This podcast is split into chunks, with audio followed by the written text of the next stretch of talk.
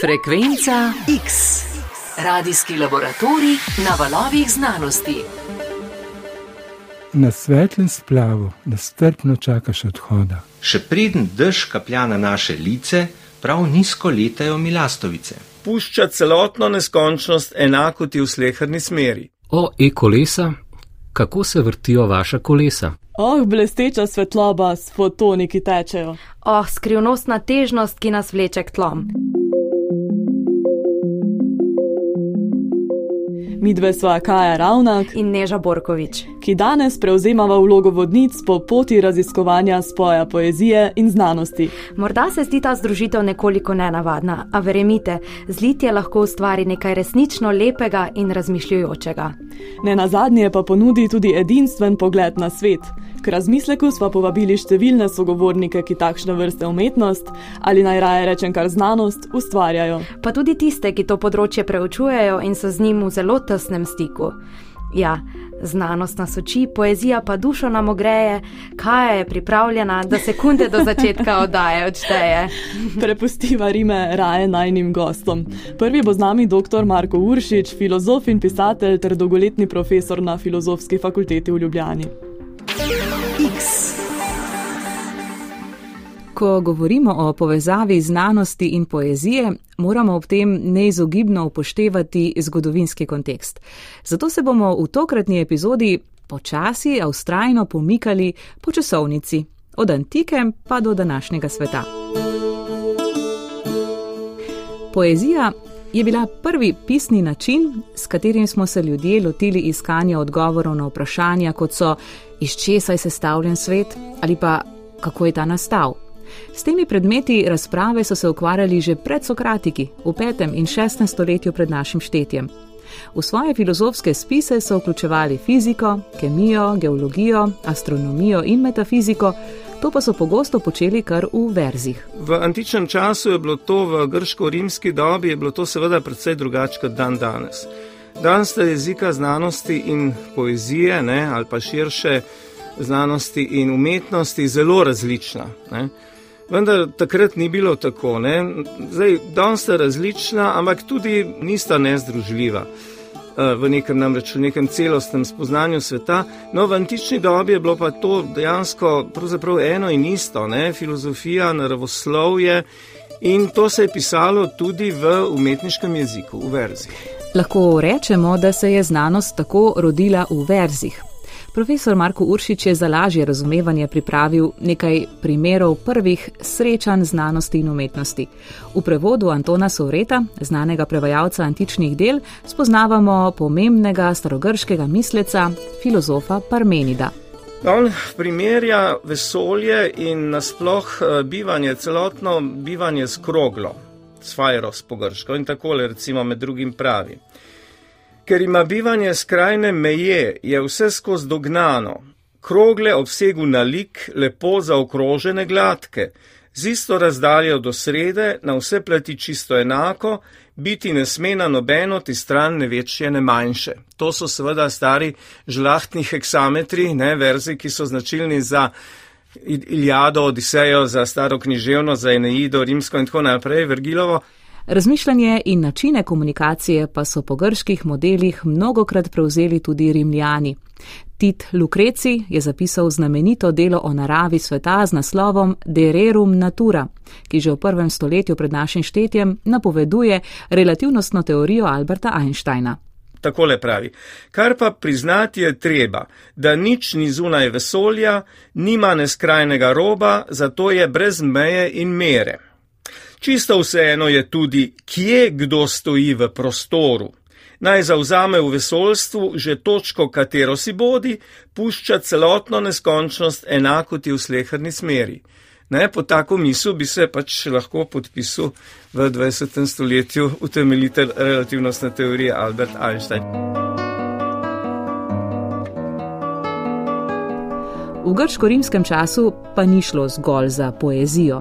Misleci so vključevali tudi druge umetniške žanre, denimo dialog, ki je neke vrste filozofska drama. Umetnost niti nima namena konkurirati znanosti, niti obratno. To sta dve različni poti, dve različni poti jezika, artikulacije, spoznanja. sta se pa v nekaterih obdobjih, eh, da tako rečem, srečno srečali. Kot se srečajo stari prijatelji, ki se znajdejo v istem mestu, je zapisal naprimer Gete. No, in eno tako obdobje srečanja je bila tudi renesansa.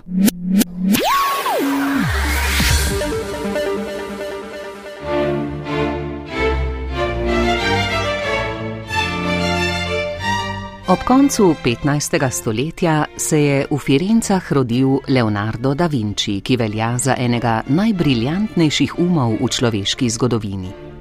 Bil je pisatelj, kipar in slikar.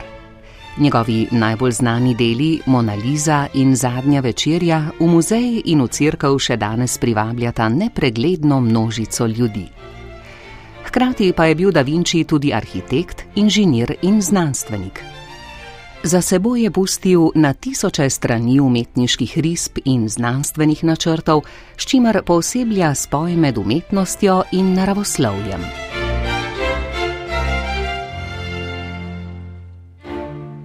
Po časovnici se zdaj pomikamo proti 19. stoletju, ki je bilo v znanosti prelomno tudi zaradi Darwinove teorije evolucije in nuklearne fizike. A lupo zdaj že poskušamo usmeriti tudi na slovenski prostor, kjer pa literarni sistem v tistem času še ni bil polno razvit. Njegov razcvet se je začel v 20. stoletju, torej po drugi svetovni vojni. Kako pa na način izražanja v poeziji in znanosti vpliva posamezen jezik, v našem primeru slovenščina, opisuje docent Igor Žunkovič z oddelka za primerjalno književnost na Filozofski fakulteti v Ljubljani. Zlasti za poezijo je pomembno to, kako lahko posamezen jezik na različne načine, samo svoje in edinstveno, ustvari nekaj občutja, ne da jih opiše.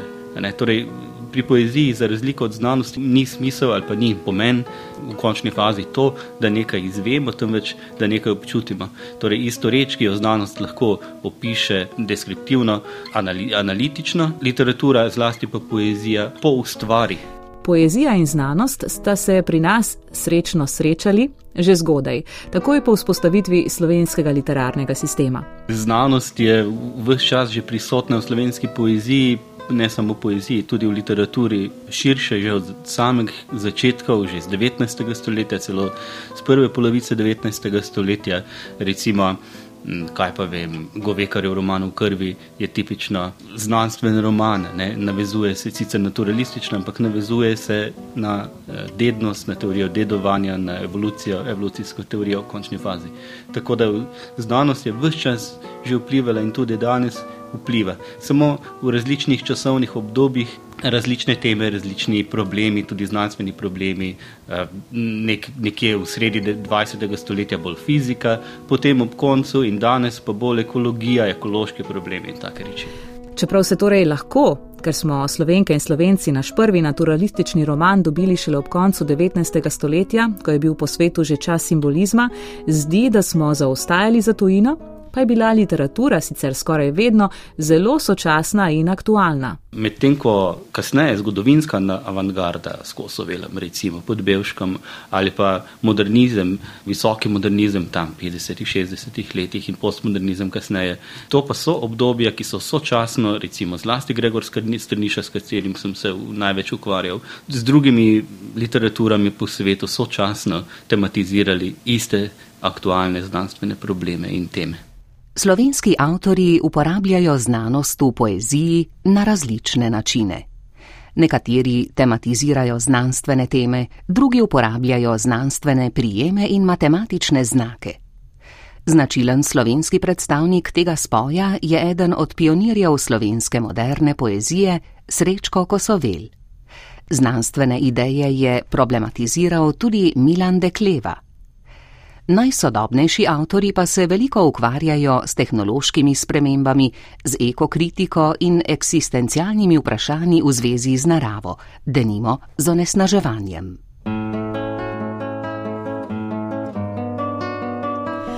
Poezija, ki v svoje verze vključuje znanost, tako sledi aktualnemu dogajanju. Ne moremo opozoriti zgolj na eno prevladujočo temo ali zgolj na enega najbolj značilnega avtorja. Na poseben način pa se je s sodobnimi fizikalnimi koncepti ukvarjal pesnik Gregor Strniša.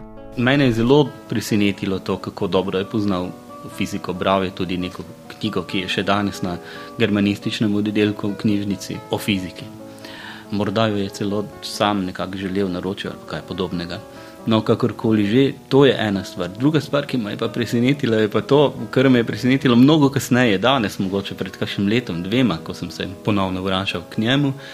Eh, kako je pravzaprav znotraj te nove, aktualne tematizacije znanosti, razumevanja znanosti, uporabe znanosti v poeziji, tudi zato, da je drugače pesmi oblikoval svoje, svoje pesmi in drame na specifičen način. Kako je znotraj tega pravzaprav tematiziral zelo stare, večne pesniške probleme in eh, kako je v to formo zapakiral relativno tradicionalno metafiziko. Gregor Strniša, vesolje, pesem številka ena. Ti, ki so šli daleč, so pripovedovali, da je tam več in več, preveč zvest. Ne samo nad glavo, celo pod nogami in kot jabolko v daljavi, rodni planet. Na tleh stojiš samo v svoji ladji, v daljavi sami nikje stati na tleh. Zvest pod nogami so se zbali, padli stari nazaj na ta svet. Sede na svetu na trdnih stolih, v mehkem blagu naših oblek, spe v deževnih nočeh pod stropi, zraven svojih neljubljenih žensk.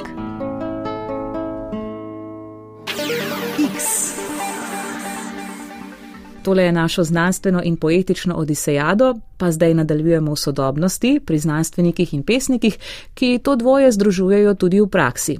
Zdaj le smo v hiši eksperimentov pri dr. Mihi Kosu, ki je navdih za svojo pesniško zbirko soneti znanosti našel v prešernovih sonetih. Torej, moja strast so soneti začeli takrat biti, ko sem se zaljubljal. Potem je nekaj časa bilo moje življenje bolj posvečeno znanosti, pravzaprav študiju in pridobivanju raznih titul. Nekako me je potem enkrat zagrablo ideja, da bi se dalo znanost skušati, pa ne razlagati, jaz nočem razlagati znanosti, ampak nekako spodbuditi ljudi, da sami raziskujejo naprej, tako da jo nekako v sonetno obliko skušaš spraviti, ne? v strogo sonetno obliko. Meni so strašansko všeč preširnove poezije, rasel sem z njimi, tako kot rastem s hišo eksperimentov. Soneti so se kot pesniška oblika razvili v 14. stoletju v Italiji. Sprva so jih uporabljali kot ljubezensko poezijo, pozneje pa so vanje vključevali tudi filozofske, družbene in politične teme. Imajo stalno pesniško obliko. To pomeni, da so v slovenščini sestavljeni iz štirih kitic, dve štirivrstični, ki ima sledita dve trivrstični. Tako kot pri italijanskem sonetu, tudi v slovenskem velja, da ga sestavlja stalni vers, laški ali jampski enajstirec. To pomeni nekaj takega, ovrba srečna, draga, vas domača. Ne? Rima ABBA, BAAB, CDC, DCD. Zdaj, kako umestiti znanost v to obliko, to je podobno.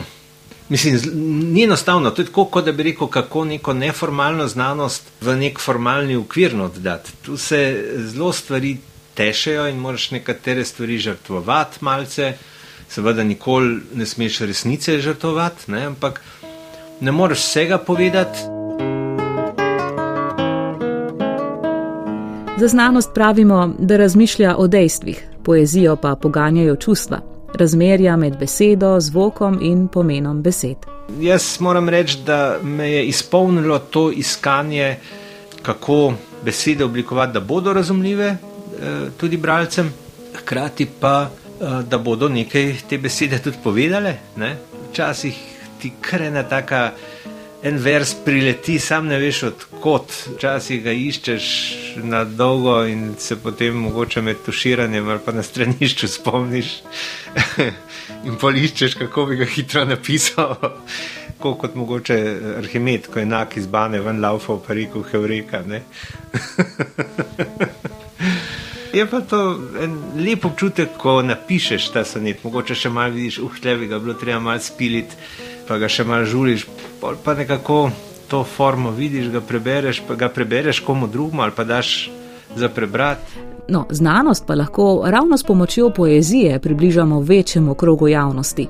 Bi lahko rekli, da si znanost in poezija med sebojno pomagata? Ali pa nekako spodbudimo nekoga, da reče, kaj je pa pisnik s tem mislil povedati, pa se mal bolj zaglodajo, začrvičijo, not v sonet pa raziskujejo, pa smo že dosegli svoje. Ne? Se pravi, je že sonet pripravil nekoga, da je začel kravžljati možgane, iskati razlage, mogoče ugotovil, da kaj ni v redu povedano, krasno. S tem se pravzaprav razviješ, ne samo da verjameš, kaj je v Googlu napisanega. Ne?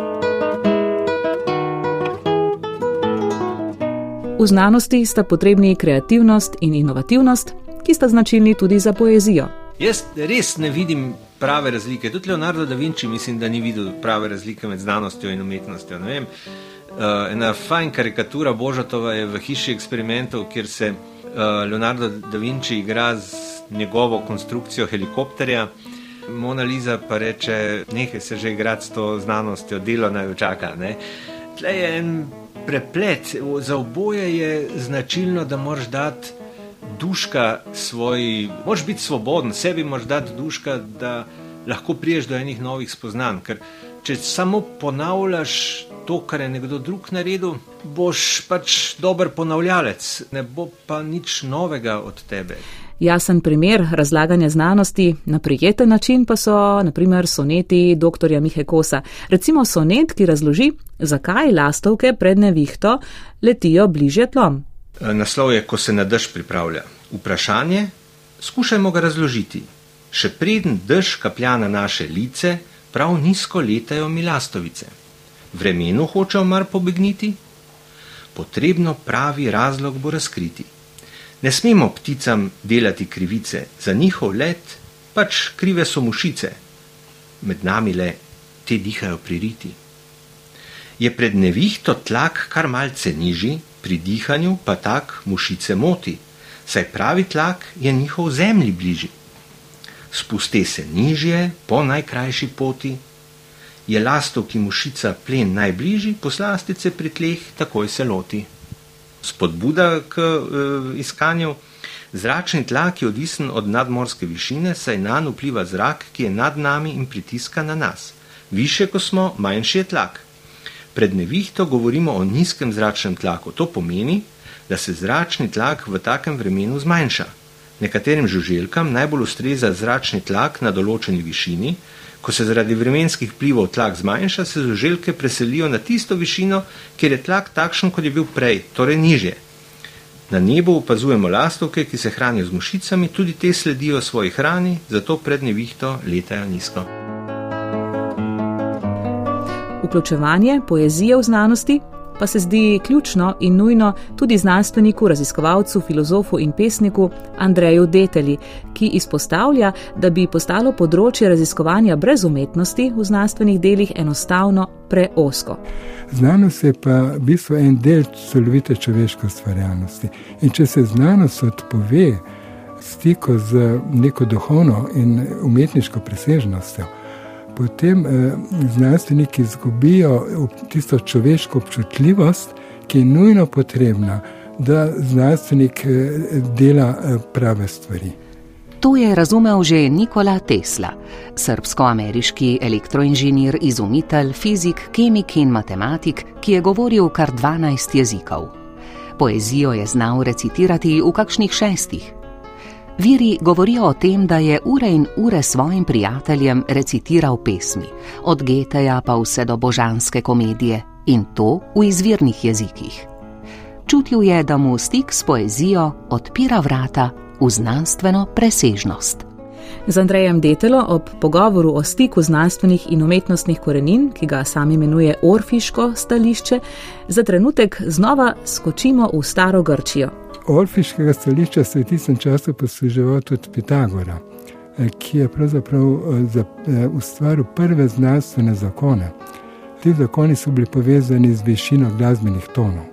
Zaprav je povezal glasbo in matematiko. Pač odkril je, da je frekvenca tona sorazmerna s kvadratnim korenom napetosti strune. To je bil prvi znanstveni zakon, ki bi bil matematično utemeljen. Po velikem skoku v 20. stoletje pa omeni še biologa Andreja O. Župančiča, sicer sina Otona Župančiča. On je opozoril na to, da znanstveno delo ni samo racionalno, da je v tisti prvi ustvarjalni fazi bolj iracionalno kot racionalno. Posebno, če hočemo ustvariti nekaj bistveno novega. Šele potem v drugi fazi, ki se imenuje sporočilna faza, ko moramo rezultate svojega dela predstaviti svojim kolegom, drugim, tudi vsem ljudem, morda, takrat pa moramo eh, svoje delo eh, zapisati v takem jeziku, ki bo drugim razumljiv. Pojmi morajo biti vsem jasni, skupni, takrat je pa treba racionalno to utemeljiti. In kaj za Andreja Detelo kot znanstvenika pomeni poezija? Za nje je poezija lepota. In če sami sodelujemo, v ustvarjanju poezije, potem lahko še lažje stopimo v stik s to lepoto. In to zapravo, na nek način je to sebično delovanje. Ne pač pišemo poezijo zato, da, da stopimo v stik z lepoto, ampak paradoksalno potem vsi ljudje imajo nekaj od tega. Ne? To je tisto, kar je najbolj intimno, potem hkrati najbolj skupno vsem. V svojih delih nekaj strani skoraj vedno posveti umetnosti. Pravi, da se lahko bralec s prebiranjem pesmi sprosti medtem ko poskuša dojeti matematične formule. In tukaj je ena takšna sprostitev z naslovom Prerokova dilema. Na svetlem splavu nestrpno čakaš odhoda. Predal se boš toku, ki bo iskal dom tvojih otrok. Svojih varovanih zemlišč na obeh bregovih spletajo učitelji čez reko ugodne napovedi, in bregovi so vedno bolj tesni glej, da te uvijalke ne ujamejo. Zato ne spluj še, težka glasba leži v kleta med gorami in dih ne more biti sužen telesa.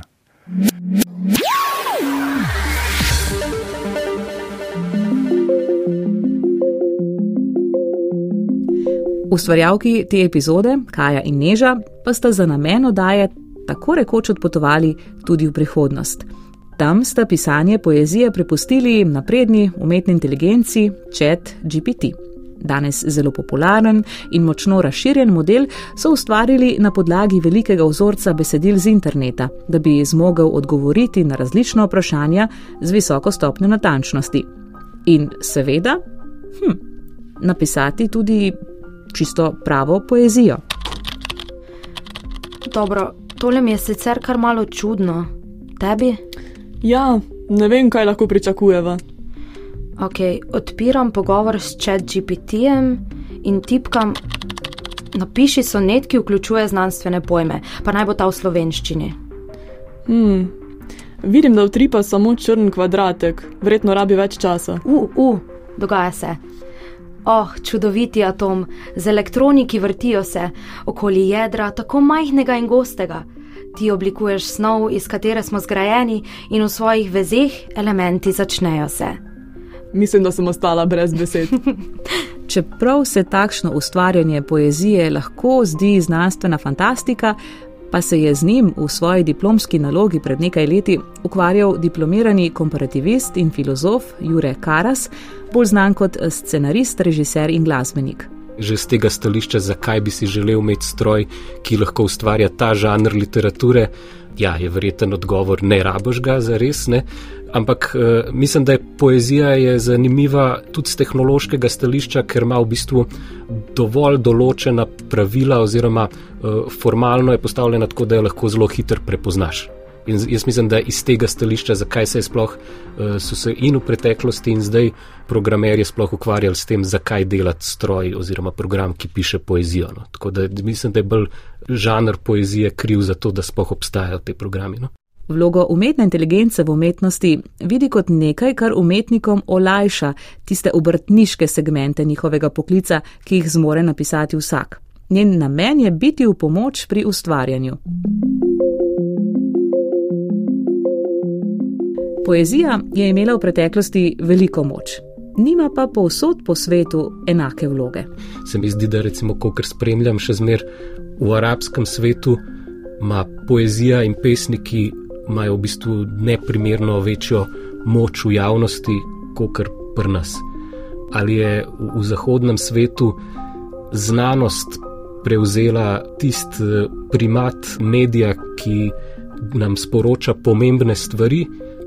Ja, upam, eh, ali kaj, ker mislim, da dobro, zgodila se je neka diverzifikacija kanalov, po katerih uh, dobivamo eh, sporočila o svetu. Ne? Eni so to, kar se skozi ukvarjamo, se pravi mediji, ki tonejo, oziroma uh, jih je vse manj uh, nekih poglobljenih ali pa različnih mnenj.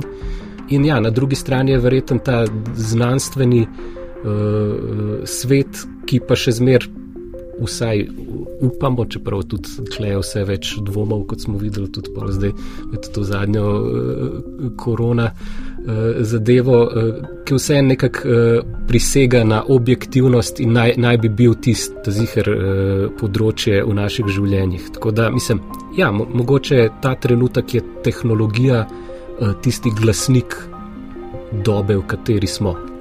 Jureta Karasa smo vprašali po občutkih umetnikov, ko naprimer vidijo, da tehnologija uspeva stopati v čevlje njihove profesije. Sigurno je neko nelagodje, ampak jaz bi recimo to nelagodje uh, enačil s tem, ko vidiš ne vem, nekoga, ki je 20 let mlajši od tebe eh, in neskončno nadarjen in veš, da v eni fazi te bo nadomestil na tak ali drugačen način. Ne. Se pravi, klej je mogoče ta strah malo drugačen, sem zaradi tega, ker gre za neko neosebno entiteto, ker gre za pač program.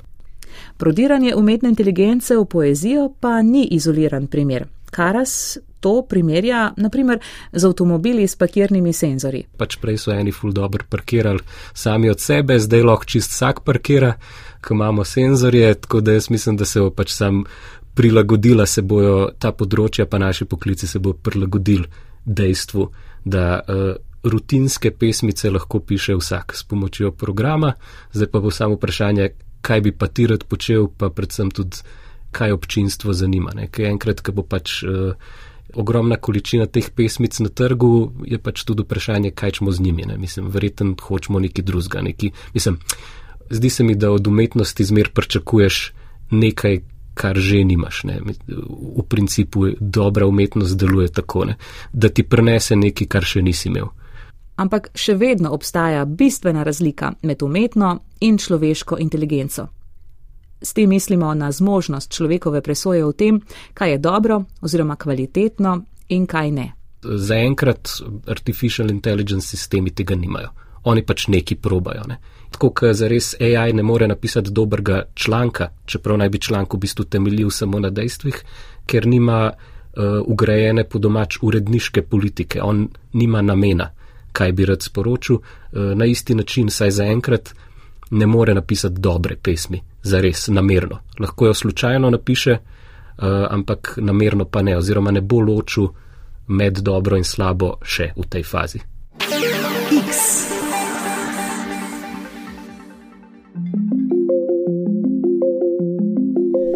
Še dobro, da znamo mi še vedno ločiti dobro od slabega.